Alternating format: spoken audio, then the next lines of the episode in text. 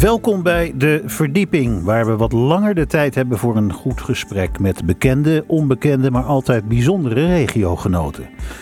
Mijn gast vandaag is een schrijvende omnivoor. Een journalist die gedichten niet schuwt, maar ook niet de confrontatie met kleingeestigheid. Een schrijver die niet altijd even honkvast is, getuigen de vele opdrachtgevers die hij de afgelopen drie decennia heeft bediend. Je zou hem ook broodschrijver kunnen noemen. Maar dat heeft weer zo'n negatieve connotatie. De columnist, schrijver, opiniemaker, tv-recensent, auteur geeft in zijn nieuwe boek Zenderbaas op een sleutelromanachtige manier zijn visie op hoe het er bij redacties aan toe gaat. Hoe in zichzelf gekeerd de televisiewereld eigenlijk is. Welke hekel hij heeft aan goeroes. En tegelijkertijd door hen gefascineerd is. En hoe het is om constant te vechten tegen conventies. Hoe is het om journalist Hans van Willigenburg te zijn? Welkom Hans. Uh, dankjewel, dankjewel. Um, ja, de vaste en wat oudere luisteraar van, uh, van Radio Rijnmond weet gelijk wie ik tegenover me heb. Niet die gebruinde KRO-presentator van klassenwerk. Heeft wel eens tot verwarring geleid of niet? Uh, ik word nog wel eens uh, door uh, oude mevrouwtjes gebeld. En die zeggen dan van, wat heeft u een leuke... Ik vind dat u zo een leuke tackle heeft. ja. en dat soort... Dat, dat, dat, ik denk dat het, het sterft wel een beetje uit. Want mijn naamgenoot is inmiddels bijna 80, denk Ja, ik. ja, ja. um, maar uh, af en toe kon, gebeurt het nog wel eens, ja. Ja, want uh, het, ehm, mijn moeder vroeg het ook. Ze zei, wie, heb je vrijdag? Ik zei Hans van Willigenburg. Oh, Hans van Willigenburg? Nee, de journalist Hans van Willigenburg. Nee, ik vond toevallig een artikel op internet, Ja. ditjesendatjes.nl. Dubbelganger maakt leven Hans zuur. Ja, Ja, en eh, even kijken hoor, want hij was ook een beetje vals naar je. ja. Oh ja, hier. Eh, eh, Hans van Willigenburg, dus de gebruinde Hans van Willigenburg, die zei. Het is heel vervelend, want iedereen denkt dat ik dat ben, vertelt Hans. Mijn naam komt weinig voor en het zijn behoorlijk slecht geschreven stukken. Vaak gaat het over mijn collega's, die moet ik dan bellen om te zeggen dat ik niet de schrijver ben. Ja, daar ben je Ja. dan lekker mee. Ja, nee, goed. eh, dat Ja. laat ik allemaal... Van je afgeleiden. ja. Ja. Eh, eh, hoe, wanneer was je hier voor het laatst in het pand van Rijnmond? Eh, nou, ik, ik heb dus een aantal programma's mogen maken. eh, eh, Werkt bij, dat? Bij Rijnmond. Eh, Salon.com, eh, dat was zeg maar begin van deze eeuw.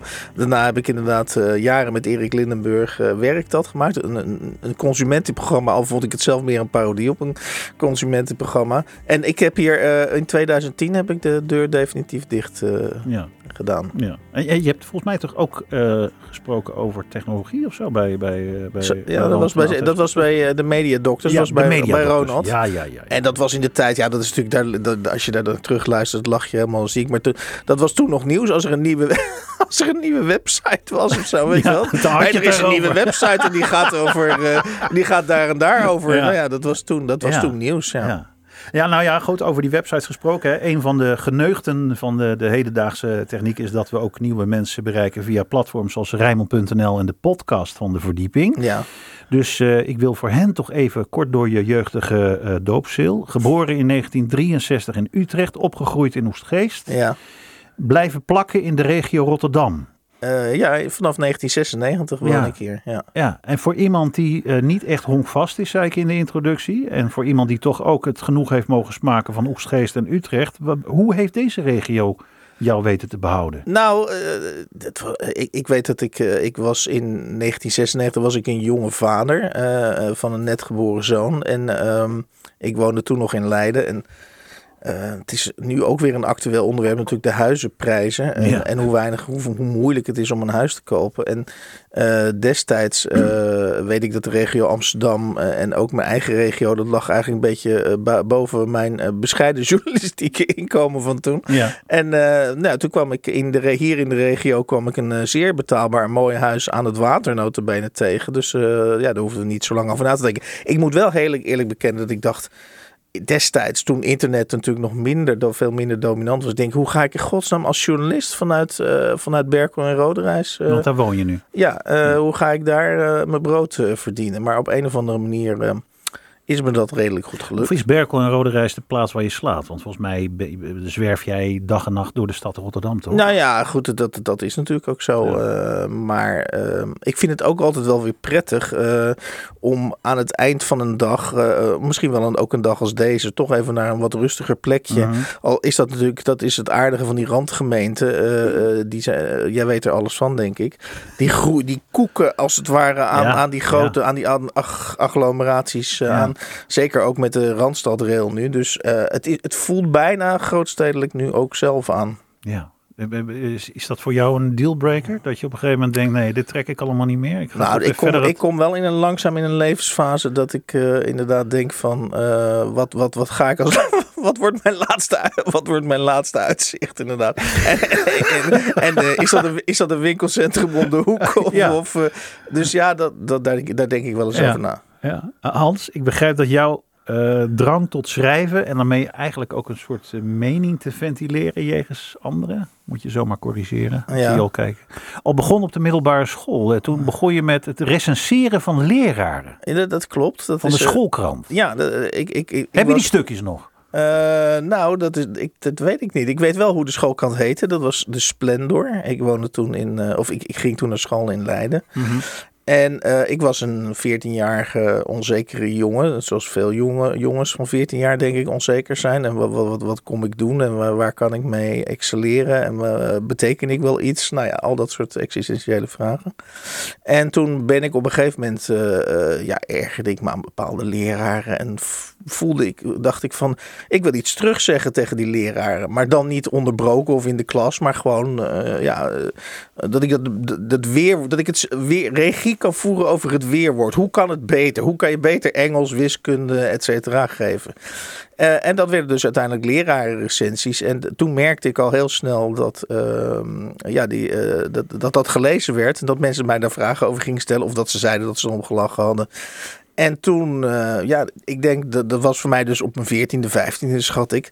Ja, en dat is zo'n soort magisch moment eh, dat, waar ik heel dankbaar voor ben. Want het lost een heleboel dingen in je leven op. Eh, namelijk, voor mij stond min of meer vast vanaf dat moment dat ik daar eh, in verder wilde. Dat ik dat Ja. leuk vond. En dat ik de dynamiek die je met zo'n stuk kon genereren. want die leraren gingen natuurlijk uiteindelijk ook reageren. Hoe reageren gingen- eh, sommigen waren heel sportief, vonden het grappig. en Zeiden ook dat ze erom gelachen hadden. En anderen vonden het minder. Maar ja, dat is... De dat van oude stempel. Die, die een soort hiërarchie zagen tussen leraar en, en, en Ja, de, die, die, ik weet, dat zou ik niet allemaal meer... Of dat echt afhankelijk was van leeftijd. Maar, Maar was je eh, toen al een gevreesde recensent? Nou ja, ik denk wel dat mensen mij wel met... dat leraren... Oh jee, daar komt een nieuwe editie van de schoolkrant aan. Ja, nee, ik, Ja. ik denk wel dat geld, en dat, dat is in, zeker als je scribent bent, Angela de Jonge van het AD, die kan er waarschijnlijk wel over meepraten. Eh, als je een beetje gevreesd bent, is dat wel prettig. Ja. Ja, ja. Eh, eh, je, zei het dan, je noemde het al, hè, Leiden. Je studeerde eind jaren tachtig af in Leiden in de algemene literatuurwetenschap. Klopt. Eh, Marek noem jij in je boek, Zenderbaas, hè, jouw Ja. studiegenoot. Ja, klopt. En jullie spreken dan ook over toen jullie eenmaal uitgestudeerd waren en wat nu. Ja, blijven we gewoon eh, een beetje onze levensstijl eh, Ja. aanhouden zoals we die ook eigenlijk tijdens de studie nou ja, noem het, noem het in de huidige, noem het vanuit het huidige pers- perspectief, maar geen levensstijl. Maar eh, Ah. het, we, ja, we hadden zeg maar een student die koos een levensstijl. Ja. En wij, wij vo- in, die, in die tijd, ik kan dat mijn kinderen bijna niet meer uitleggen wat voor, wat voor tijd dat waren. Maar voor, voor ons sprak het vanzelf dat je eh, klaar was met je studie. Eh, je haalde je papiertje op en dan ging je gewoon naar de volgende deur. En dan ging je naar de, uitkeringsinstantie en zei, nou, ik ben afgestudeerd. Ik, nu, nu betrek ik graag mijn maandelijkse loon van een andere instantie. ja, ja. En eh, dat was toen eigenlijk heel vanzelfsprekend. En eh, eh, nu zou je zeggen, ja, maar je moet een cv opgebouwd hebben. Mhm. Ja, maar je moet denken aan je loopbaan. Ja, maar je, je moet dit, je moet dat. Eh, je had al één stapje genomen, namelijk, hè, want dat, dat zeiden mijn grote ouders altijd tegen. Maar Mhm. als je je papiertje maar hebt, ja, hè, nou die had je. die had ik. Maar eh, eh, het was Ja. En, in de arbeidsmarkt van toen en nu denk ik ook. Ja, is dat inderdaad die, waar, waar- want je, jouw ouders leefden die, die, die, die leeftijd? Eh, eh, die- ja, nou goed, mijn moeder die, die is 92 geworden en Ja. mijn, mijn vader is op dit moment 97. Dus, eh. Nee, maar goed, die, die, zeiden heel klassiek van, oh jee, als die maar niet nee, iets in de kunsten gaat ouders, doen. Ik moet mijn ouders daarvoor ongelooflijk veel credits geven. ja, zij, zij stonden achter jouw keuze. Ze stonden er niet achter, maar ze hadden zoiets van: ja, de- hij, bepa- hij, hij moet dat zelf bepalen. En dus, ze zullen daar misschien nooit, dat weet je natuurlijk nooit, je ouders Mhm. het achterste van hun tong laten zien. Maar ehm, nee, ze hebben me altijd vrijgelaten daarin. Dus Ja. eh, ontzettend veel credits daarvoor.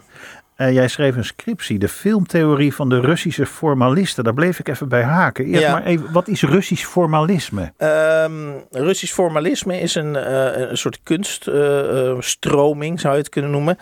In, in, in de jaren twintig ging die cinema, zeg maar, voor zeker ook door de communistische revolutie, eh, had de cinema een soort, soort creatieve bloeiperiode. De, de, de, de communisten kwamen erachter dat film een enorm effectief eh, middel was om, om, eh, ja, om propaganda. Eigenlijk kan je, Mhm. je, kan bijna, je kan bijna een eeuw verder een rechte lijn trekken naar, naar nu. Ja. De Russen hebben als eerste, eh, de communisten dan, hebben de kracht van propaganda ontdekt. En ze hebben dus ook ontdekt dat je door te snijden in beelden, dat je dus die hele werkelijkheid upside down kunt. kunt eh. En ik was eh, eh, eigenlijk, ja, dat, ik, zou, ik, ik was eigenlijk gefascineerd door het feit dat je inderdaad met film, dus door, eh, want dus het, het feit dat twee opeenvolgende beelden, hè, dus bijvoorbeeld een beeld van een graanveld en dan het beeld van een woonwijk, ik noem maar even een willeke, dus dat, dat kun je willekeurig snijden in een film. Dus je kunt de werkelijkheid werkelijk elke kant opdraaien als je wil. Ja. En dat Russisch formalisme eh, zei dus van. ehm, eh, eh, dat was dus de school die zei. ehm, eh, hoe moet ik het zeggen? Ehm, de inhoud is eigenlijk secundair. Het belangrijkste is de vorm Ja. waarin je die inhoud giet. Met Ja. andere woorden, die huizen en dat graanveld, die doen er eigenlijk niet toe. Het gaat erom dat die huis en dat graanveld een verhouding met elkaar Mhm. aangaan en een suggestie gaan wekken. En daar draait het in de kunst om. Ja. ja, want ik heb begrepen, ik probeerde me erin te verdiepen in die Ja. Formalisten, Ja. dat inderdaad het gaat juist om die vorm. Maar zoek er nou niet iets psychologisch achter of wat dan ook? Nee, want, want die communisten die hadden helemaal niks met psychologie. Nee, nee. Die zeiden er moet actie komen. Eh, eh, eh, jij, jij moet een, een, een, een, een eh, enthousiast, geenthousiasmeerde pionier zijn die eh, de koolgos eh, Maar gaat... is dat niet een beetje ook de basis, Hans, geweest voor jouw aversie tegen belangrijk gelul? Of dingen belangrijker maken dan ze zijn? Laat ik het zo zeggen. Ik denk dat als je leert zo van die Russisch formalisten, dat je dat het leer je volgens mij dat het, wat we gepresenteerd krijgen, dat het een mogelijkheid Mhm. is. En dat er daarna nog 999 andere mogelijkheden zijn. Dus ik, Ja. ik bezie de werkelijkheid altijd eh, ja, als een heel, heel, klein, heel klein smal paadje waar we allemaal doorheen, doorheen lopen. En ik denk altijd van, ja, maar je kunt ook daar afslaan en daar afslaan en daar afslaan. En dat, dat is denk ik wel een manier van denken die, waardoor je ook creatief natuurlijk heel lang eh, vitaal kunt blijven. Want eh, als je te veel waarde gaat hechten aan de richting waar iedereen in loopt, dan, ja, dan voor je het weet, dan, dan ga je daarin mee en dan verlies je je Nou creativiteit. ja, dat is ook al een beetje de kern, nou niet de kern, maar in ieder geval een belangrijke kern in jouw boek. Hè? Mhm. Inderdaad, de richting waar we met z'n allen Ja. eh, naartoe gaan. Ja, Het, het, het keurslijf, het creatieve keurslijf. Ja, nou ja, goed. Ik even wel het. Ik, ik ben daar niet te moral, hopelijk niet te moralistisch over, want ik begrijp heel goed. eh, ehm, ik heb ooit een keer een, eh, of dat is een van mijn geliefde stokpaardjes. eh, de McDonald's. Waarom is McDonald's een heel succesvol bedrijf? Omdat je eh, precies krijgt eh, wat je denkt dat je gaat krijgen. Dus als je naar, naar de McDonald's gaat en je hebt trek in een Big Mac, je weet hoe die Big Mac smaakt. Waar ook ter wereld. je weet ook dat het niet de allerlekkerste is, maar je weet wel hoe die smaakt. En hij smaakt dan ook precies zoals je denkt. Dat, en, dat, en dat raakt, eh, het feit dat je dat dus zeker weet, raakt iets heel dieps eh, in mensen. Dat is namelijk heel troost, eh, troostbrengend. Dat je waar je ook ter wereld bent, dat je dan dat symbool van McDonald's ziet. En dat je dan exact weet eh, hoe die, hoe die hamburger gaat smaken. Ja, ik heb niet de pretentie dat ik de mensen... Ik, ik kan natuurlijk wel zeggen, mensen, doe jezelf... Probeer eens wat niet- anders. Probeer eens wat Ja. anders. Maar ik begrijp heel goed de psychologie die daarachter zit. Ja. Waarom ben jij schrijver? Heb je dat later nog afgevraagd? Nou ja, dat, is, dat, dat hebben we eigenlijk net al doorgenomen. Ja, dat- het begin, maar ik ben bedoel- dus, ik ben dus ook iemand die echt op zoek is naar... eh, en dat, dat zit ook zo mooi. En daarom vind ik het ook heel leuk dat je daarnaar gevraagd hebt. In die lerarenrecensie zit natuurlijk ook in zekere zin... eh, het zoeken naar een reactie. Het zoeken naar... eh, ik schrijf dit op, maar wat vind jij ervan? Dus ik ben... Als schrijver probeer ik steeds in dialoog te gaan met, met de Je bent niet alleen aan het zenden. Nou ja, je wilt dolgraag ontvangen. Ja, ik vind het heel leuk. Ik, vind, eh, eh, ik schrijf nu onder andere voor de Post eh, online. En die hebben laatst, waarschijnlijk ook uit zijn bezuinigingsoverweging, hebben die de reactie, het reactiepanel ook vaak, omdat die reactiepanels hebben jullie al bij Rijmond ook ervaring mee. Mhm. die, dat, daar komt ontzettend veel eh, eh, onzin komt daar. het is en- duur om te modereren. ja, eh, maar, maar, ik, maar ik vind dat dus wel een verarming. Want ik vind het juist leuk om te. en of mensen het nou met me eens zijn of niet. Ik vind het heel leuk om te lezen. En dat mag voor mij ook best grof zijn. Ik, ik, kan daar, ik heb daar wel een redelijk dikke huid bij. Ik vind het gewoon interessant om te kijken hoe mensen reageren op wat ik schrijf. En dat dat dan op een gegeven moment, dus door, door het verwijderen van die reactiepanels, niet meer, niet meer kan. Dat vind ik een verarming. Ja. Ja. Ehm, ik heb het boek gelezen, Zenderbaas. Eh, kun je je voorstellen, Hans, dat sommige lezers ehm, het cliché van een journalist eh, bevestigd zien in jouw laatste boek? Want dat, dat, dat eh, een zwartgallig humoristische tobber die hemelschreiend zich soms te buiten gaat aan drank, roken en ingewikkelde relaties. Vind je dat? Vind je echt dat. eh, ik, ik vind dat er verschillende soorten verhalen in staan. En ik vind Nee, dat die dat staan er ook in, maar En- goed, ik pik deze er even uit. Ja, ja, ja, ja. Eh, nee, maar kijk, eh, sowieso voor, voor, voor clichés geldt dat, dat er altijd eh Kern van clichés... waarheid in zit. eh, Clichés zijn Ja, niet voor niks ja. clichés. Dus dat zijn beelden die ons beïnvloeden. En het, het feit dat ze ons beïnvloeden, maakt ze voor mij relevant. Mhm. Dat is iets anders natuurlijk dan zeggen dat ik het cliché wil kopiëren. Dat wil ik natuurlijk niet. Ehm, maar ik denk dat het beeld wat ik. Ik schets zeker een, een wat donker eh, eh, beeld van de, van de journalistiek. Mhm. Eh, dat doe ik bewust. Om ook weer om die reactie uit te lokken van mensen. Kijk eens, zo werkt het of zo kan het werken in de journalistiek. En weet waar je dus naar luistert. Weet waar je naar kijkt. Weet wat de voorgeschiedenis is van waar je naar kijkt of luistert. Ja, want dat, daar wil ik het zo meteen met je over hebben, inderdaad. Je, je houdt de lezer toch ook een spiegel. Nou, niet eens een spiegel. Je geeft een inkijkje in, in hoe bepaalde programma's en hoe bepaalde processen gaan. Ja. Tot het uitnodigen van bijvoorbeeld een gast in een talkshow en dat soort zaken. Hoe Ja. dat eraan toe gaat. Ja, Ik heb aan je gevraagd om ook eh, muziek mee te nemen. Onder meer de Dandy Warhols.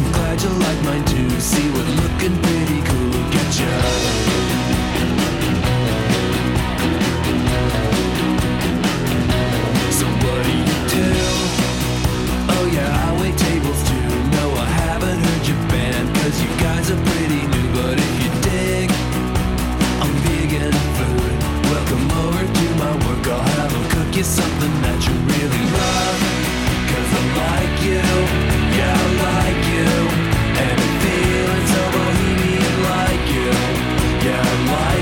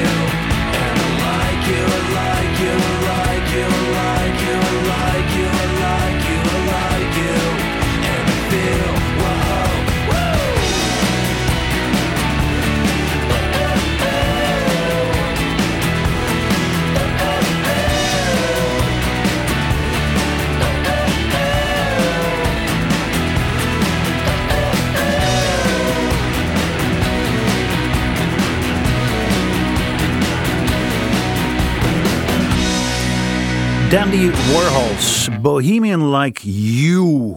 Keuze van eh, Hans van Willigenburg, mijn gast in de verdieping. Dank voor deze keuze, Hans. Ja, heerlijk. Eh, je, je schreef onderaan het muzieklijstje dat je mij stuurde. eh, muziek is voor mij het tegendeel van schrijven. Ja. Geen reflectie, niet nadenken, instant energie. Leg uit. Ik kan het niet beter omschrijven. Nee, ja, je schrijft het zelf. Je hebt het zelf ja, nee, geschreven. oké, aan. maar ja, dat, dat, dat is precies wat het voor mij is. Ja, maar, maar, ja, maar leg. Ja. Nee, maar even, even ja, kijk, ik, ik, ik- als, ik, als ik op één punt onzeker ben, eh, dan mag je gerust weten, ik, stel me hier kwetsbaar op. dan is het wel die, die, die eh, dan ben ik ook eh, bijvoorbeeld eh, eh, Matthijs van Nieuwkerk, die dan hele discussie wie waren beter de Beatles. En Ja, ik, ja. ik voel me op muziekgebied voel ik me echt totaal onthand eh, eh, om daar een mening over te geven. Voor mij is inderdaad mijn verhouding tot muziek is inderdaad heel primair. Maar dat is de- eh, voor iemand die niks, die, die, die niks schuwt. Ik bedoel, Mhm. hè, je hebt, nou, zoals het dan zo clichématig heet, een scherpe pen. Ja. En, en dan ben je super onzeker. Als, je, je kan toch gewoon een, een, een nummer, een waardeloos Ja, maar nummer ik, ik vinden. kan, kijk, ik, ik heb als schrijver heb ik een instant neiging om als ik iets vind of ik heb eh, om daar een argument of een beeld of een of een dus een in feite een, verant, Mhm. Een, veran- verant- ja, een verantwoording ja. te geven muziek? voor, voor en, en bij muziek denk ik Denk ja, je, maar- ik vind het een maar- waarom waardeloos vind ik- nummer waarom vind ik dit mooi? Geen idee. Nee, nee. En, maar, maar hoe idee. breed is dat wat je mooi vindt of lelijk vindt? Want eh, je hebt Eh, nog meer gestuurd. Ja. Nou ja, ik laat wel even een stukje eh, horen. wat hè, ik net want zeg, ik moet daar energie van krijgen. Dit, Dit, dit ook. Ja, Cory dit- Wong, dit is goed, klein stukje.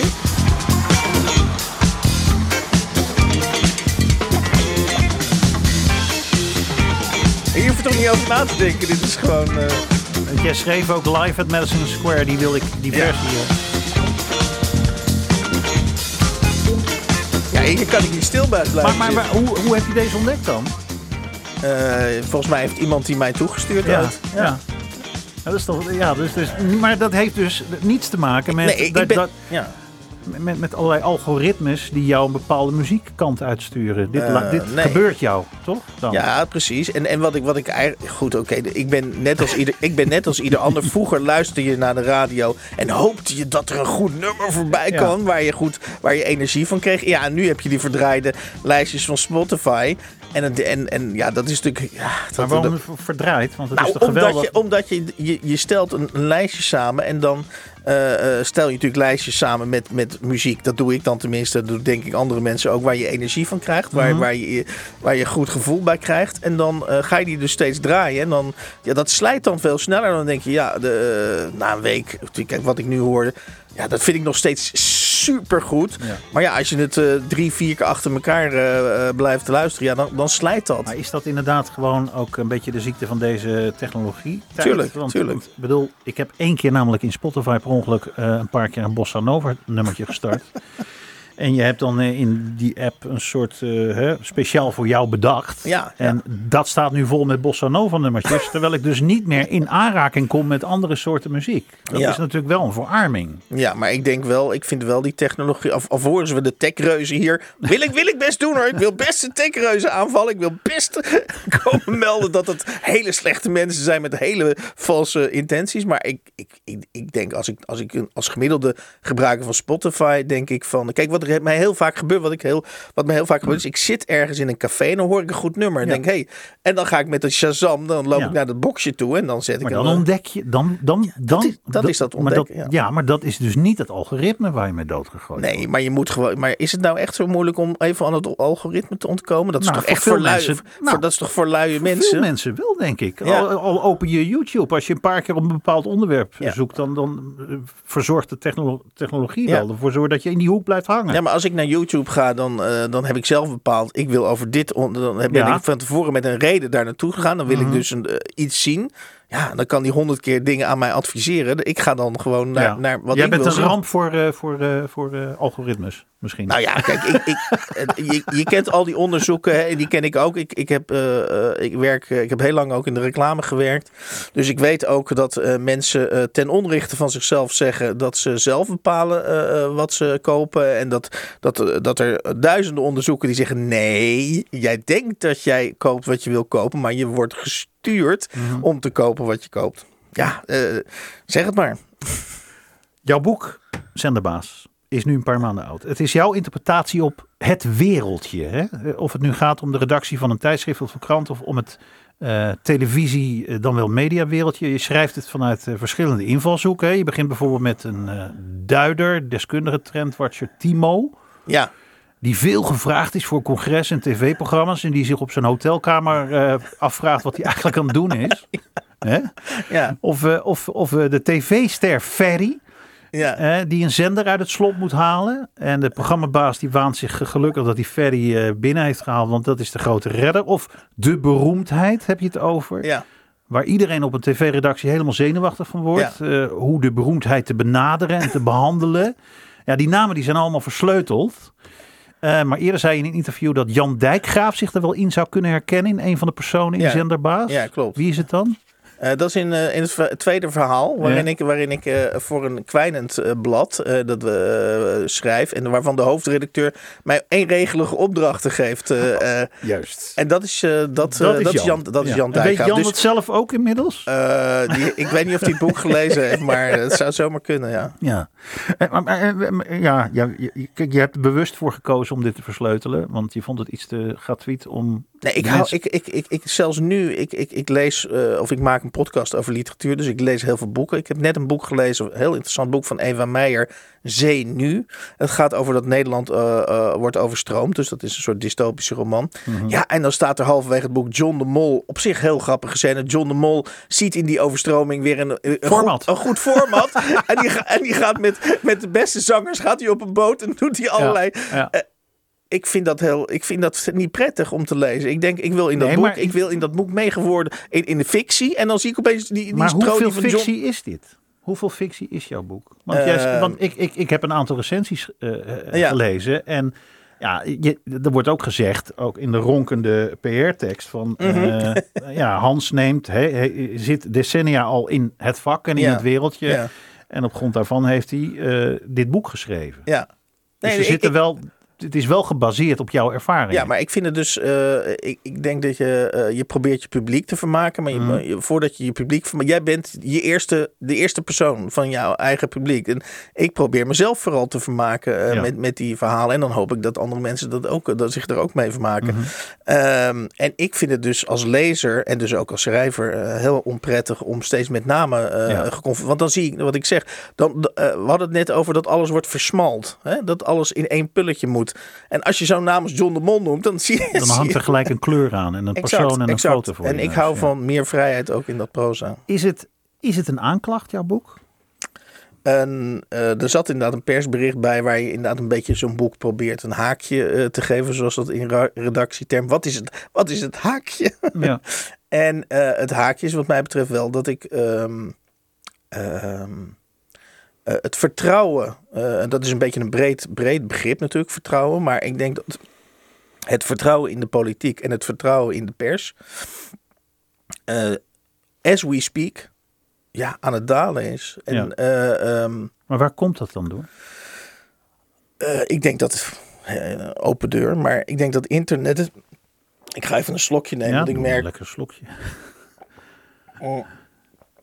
Ik denk dat internet daar een hele grote rol eh, in speelt. Doordat het niet meer door een instantie, lees omroep, Ja, als eh, een van de weinige kanalen. We zijn allebei van de X-generatie, dus we komen allebei uit een tijd dat we het derde net hebben zien komen. ja. Ehm, en, en, eh, Ik zal proberen een concreet voorbeeld te geven. Wat mij intrigeert. We we hebben de corona-pandemie gehad. En op een gegeven moment kwamen er eerst geruchten over Omicron en Zuid-Afrika. En eh, ik had niet, niemand had, eh, of, eh, zeg maar, het grote publiek studeert daar niet voor. Maar de eerste tekenen was een soort hoopgevend verhaal van: hey, dit zou wel eens milder kunnen zijn. En, dit, en dan heb je het over oktober 2021 of zo. hey, dit zou wel eens hoopgevend kunnen. hey, dit zou wel eens niet, niet gebaseerd op kennis, maar gewoon gebaseerd op hoop. Ja. Eh, eh, dus dat zijn leken die dat oordeel vellen. En vervolgens zie je dus dat dat Omicron, dat verhaal rolt voort, rolt voort. En wat je dus ziet is dat die wetenschappers, eh, die, die, zeggen A, B, die moeten al die procedures, ze moeten die volgen. Eh, klopt het wat we zeggen? Klopt het wat we gisteren zagen? Klopt al die statistieken met wat we een week geleden zagen? Die moeten al die stadia door. En vervolgens blijkt dan uiteindelijk dat die Omicron inderdaad een, een, een, een, een, mildere variant is. En, eh, en dan moet bij wijze van spreken Mark Bonte, die in, de, in het OM- OMT zit, die moet vier maanden na, eh, na, nadat die Omicron, moet hij nog allerlei slagen om de arm houden of dat echt zo is. En eh, eh, terwijl die natuurlijk die mensen die er, eh, die er niks van af weten, die zeiden, nou, ik wist het al gelijk hoor. Ja, in, ja. in, in, toen het in Zuid-Afrika, ja, dat hebben jullie allemaal achtergehouden. Maar dat was onmiddellijk duidelijk dat dat een mildere variant was. Nou, hier heb je dus het, het, het, het, het, probleem. Ja, maar nou zeg in jij, notendop. eh, de media die moeten aan fact-checking doen. ja. En, en, en, ehm, versus, als ik het voorzichtig mag samenvatten, eh, eh, het, het, het, het, het gevoel van mensen van dit zou wel eens een, een, een uitgang kunnen zijn naar deze hele coronacrisis. Maar je wilt toch op een gegeven moment wel gewoon zwart op wit hebben hoe het zit. En daar heb je toch die media zo hard voor nodig? In Eh, plaats ja, van maar- de losse flodders die Ja. op het internet te vinden zijn. Maar ik, ik denk dat er dat, dat waar, waar vroeger media een soort ergens een punt konden zetten, als ik het even met proza mag vergelijken. Op een gegeven moment zet je achter een onderwerp een punt. En ik denk dat internet van elke punt een komma heeft Ja. gemaakt. Er is altijd een verhaal achter. Ja. Zelfs bij factcheckers kun je zeggen. Naar welke feiten gaan ze eigenlijk op zoek? Ja. Waarom gaan ze wel naar dat feit op zoek en niet naar de juistheid van dat feit? Dus ook die factcheckers die gaan bewijzen, zijn onderdeel van de discussie, zijn een onderdeel van, van eh, de twijfel. ja. Eh, eh, Daar kom je dus niet uit. En jij zegt het vertrouwen in de politiek en in de media gaat achteruit bij jou. Eh, nou, niet bij mij. Ik denk dat, dat, dat, dat er talloze, veel mensen, talloze onderzoeken zijn die dat aantonen. jij, jij bent vaak te gast geweest in, eh, in radio- en tv-studio's. Mhm. Wat, wat, wat, wat, wat, zijn jouw ervaringen? Wat, Eh, wat, nou, wat- wat valt jou dan op? Ja, ik, ik, ik was, ik was bij, bij mijn eerste roman was ik uitgenodigd bij Op 1. Nou, iedereen kent Op 1 wel. En dan eh, kom, je, eh, nou, kom je zo drie kwartier voor de uitzending kom je binnen. En dan eh, maak je dus kennis met iedereen die aan tafel zit. Dat is dus heel geanimeerd, want iedereen kijkt elkaar aan van zo zit jij ook in Op 1. Zo, zo, zo, zo, zo. En, en je drinkt wat en, je, en je hebt een interessante conversatie. Nou, dan eh, ga ik iets. eh, Dan krijg je. Dan zijn er allerlei redactrices. Dat was in mijn geval ook interessant. Eh, ja, wil je nog even een film? We gaan ze je straks een reactie vragen op dit filmpje. Wil je het alvast zien? Nee, dat wil ik niet zien. Ik, reageer wel in op de het moment dat. Ja, En- ja. Dus, dus, maar en toen zei ik na afloop tegen Bert Huisjes, de, de, de, De hoofdredacteur van, hoofdredacteur ja, van, van het Op1. hele programma. Toen zei ik, stel nou dat ik een hele boze blanke man was, wat ik niet ben. Eh, en ik zou die studio eh, binnengelopen zijn. Dan ben ik na drie kwartier gezellig borrelen. ben, ben, ik al helemaal, ben ik al helemaal gepassiviseerd. Mhm. Ja. Dan denk ik, wat is het hier gezellig? Ik denk dat ik de. Hè, dus dus, eh, ja, de, dus het is een hele. Een, een televisiestudio, een talkshow, dat is een hele warme omgeving. Maar is dat positief? Want jij zegt net, als ik, Ja. als, ik, als ik met een bepaalde richting aan die tafel ga zitten, Ja. Dan word ik helemaal week gemaakt door het hele proces aan de voorkant. Nou ja, ik denk dat, het, dat de factor angst hier denk ik een heel grote rol speelt. angst? Eh, ehm, ik denk dat heel veel mensen ah, bang zijn dat ze iets zeggen wat niet helemaal goed overkomt. eh, of wat ze verkeerd begrepen worden. En ik heb eh, een of al of niet op eh, iets gebaseerd vertrouwen dat wat ik zeg wel oké zal zijn. Nee, nee, maar goed, je lacht erom, maar je zegt Ja. angst. En, en ook inderdaad Nou ja, als je eh, angst- als je dus- angstig zijn om het juiste te zeggen. Als je dus bang bent, dan ga je dus wel zeggen: Oh, ik, of het verkeerde oh, te zeggen. eh, oh, laat me dat filmpje maar, Nee, maar even is zien. dat, is dat ook wat er op dit moment in het, het Nederlandse talkshowlandschap dan aan de hand is? Dat het allemaal te braaf is? Dat, het, dat, dat mensen gewoon uit Mm. angst voor... Misschien is dat een te eenzijdig beeld. Maar ik denk bijvoorbeeld dat eh, eh, vandaag Insight, dat nieuwe programma met René van der Gijp en, eh en Johan Derksen, die doen het dus anders. Daar, is een, daar is een zeer substantieel publiek voor.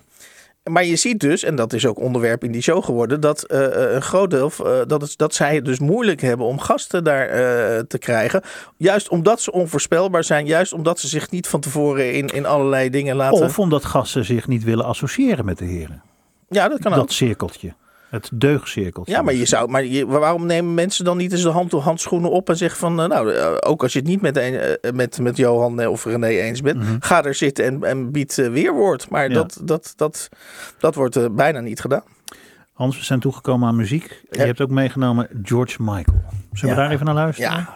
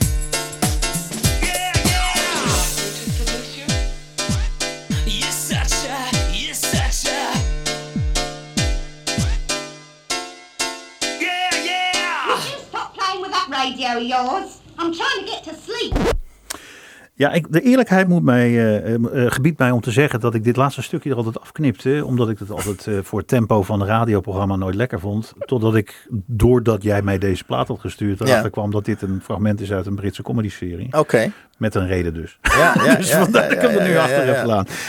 George Michael hoorde je, Too Funky bij, bij De Verdieping met vandaag de gast Hans van Willigenburg. met zijn nieuwe boek Zenderbaas. We vliegen alweer door de tijd heen, Hans. Eh, in je boek schrijf je ook over, nou, jouw toch wel redelijke negatieve gevoelens bij goeroes. en mensen die het allemaal zo goed weten. Ik weet niet of je Ja, van de is week dat nog- zo? Nou ja, het is, is voor mij heel leerzaam natuurlijk ook dit, dit uurtje om, om, te, om te kijken hoe, hoe jij... ik, hoe ik jij, ben hoe- jouw spiegel. Nou ja, Hoe, jij mijn, hoe jij mijn boek leest. Want ik, ik, ik, ik, eh, ik heb een, eh, er zit een verhaal in, dat heet kennis, of een eh, avondje kennis delen, heet dat geloof ik. Ja. Of, en ja, ik heb dat echt met een hele grote glimlach Ja, ja. Om, om mijn mond heb ik dat verhaal. eh, Mhm.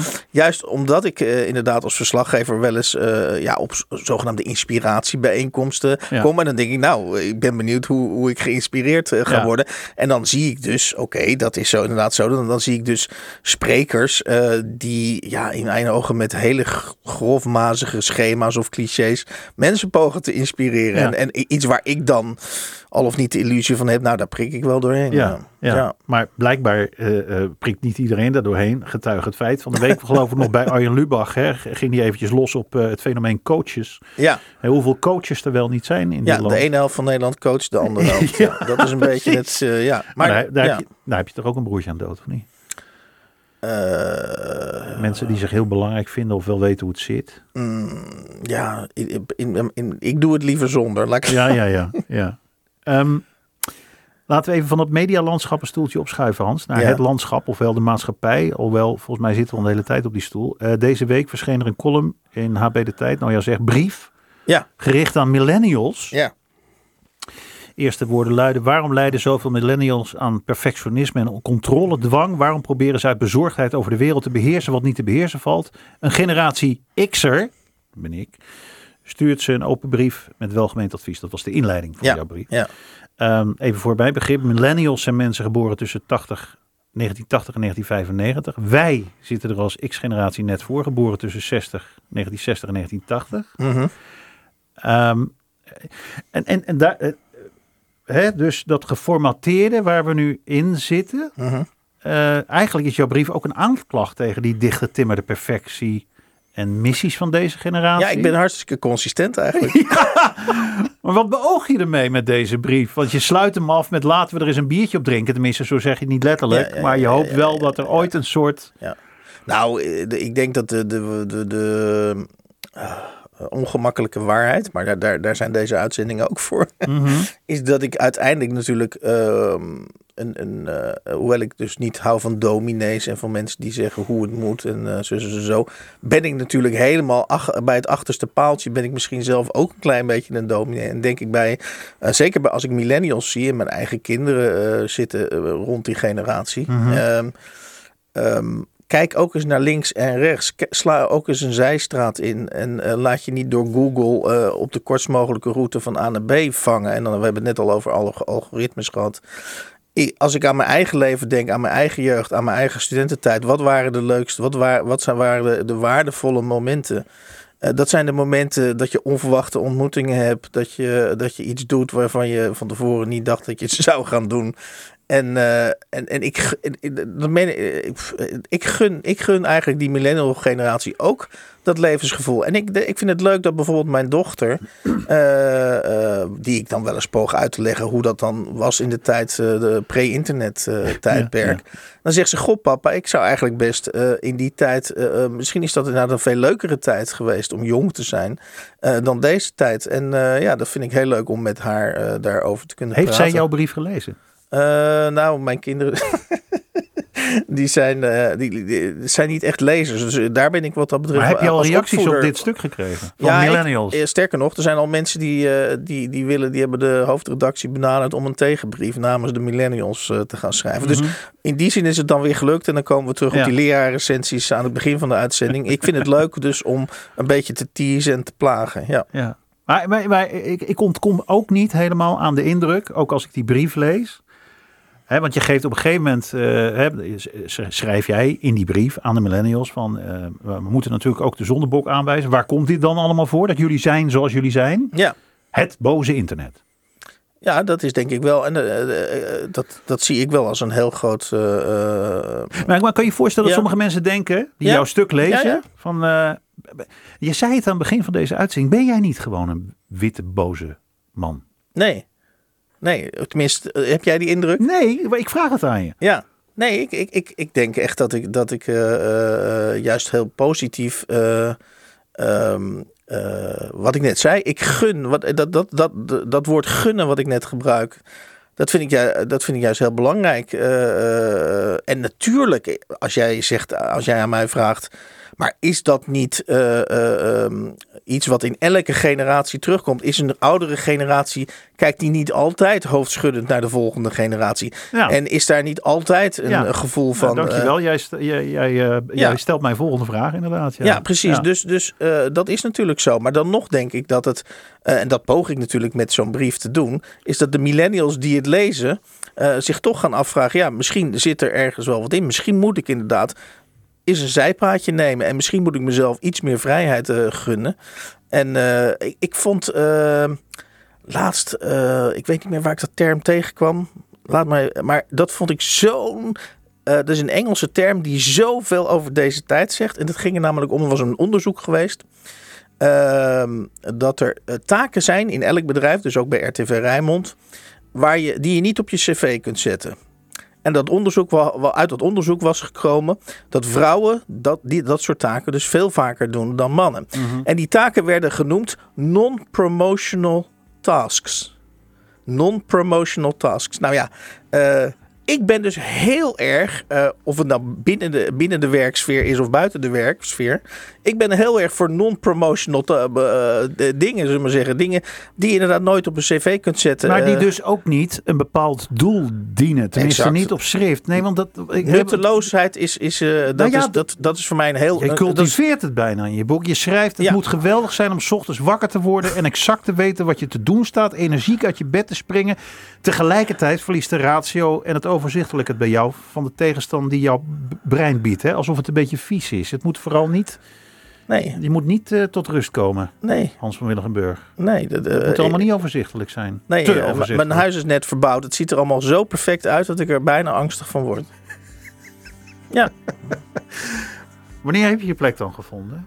Oh, maar dat... dat eh, eh, eh, je, je hebt in, de, in je inleiding gezegd dat ik ontzettend veel opdrachtgevers heb gehad in, in mijn freelance bestaan. Ja.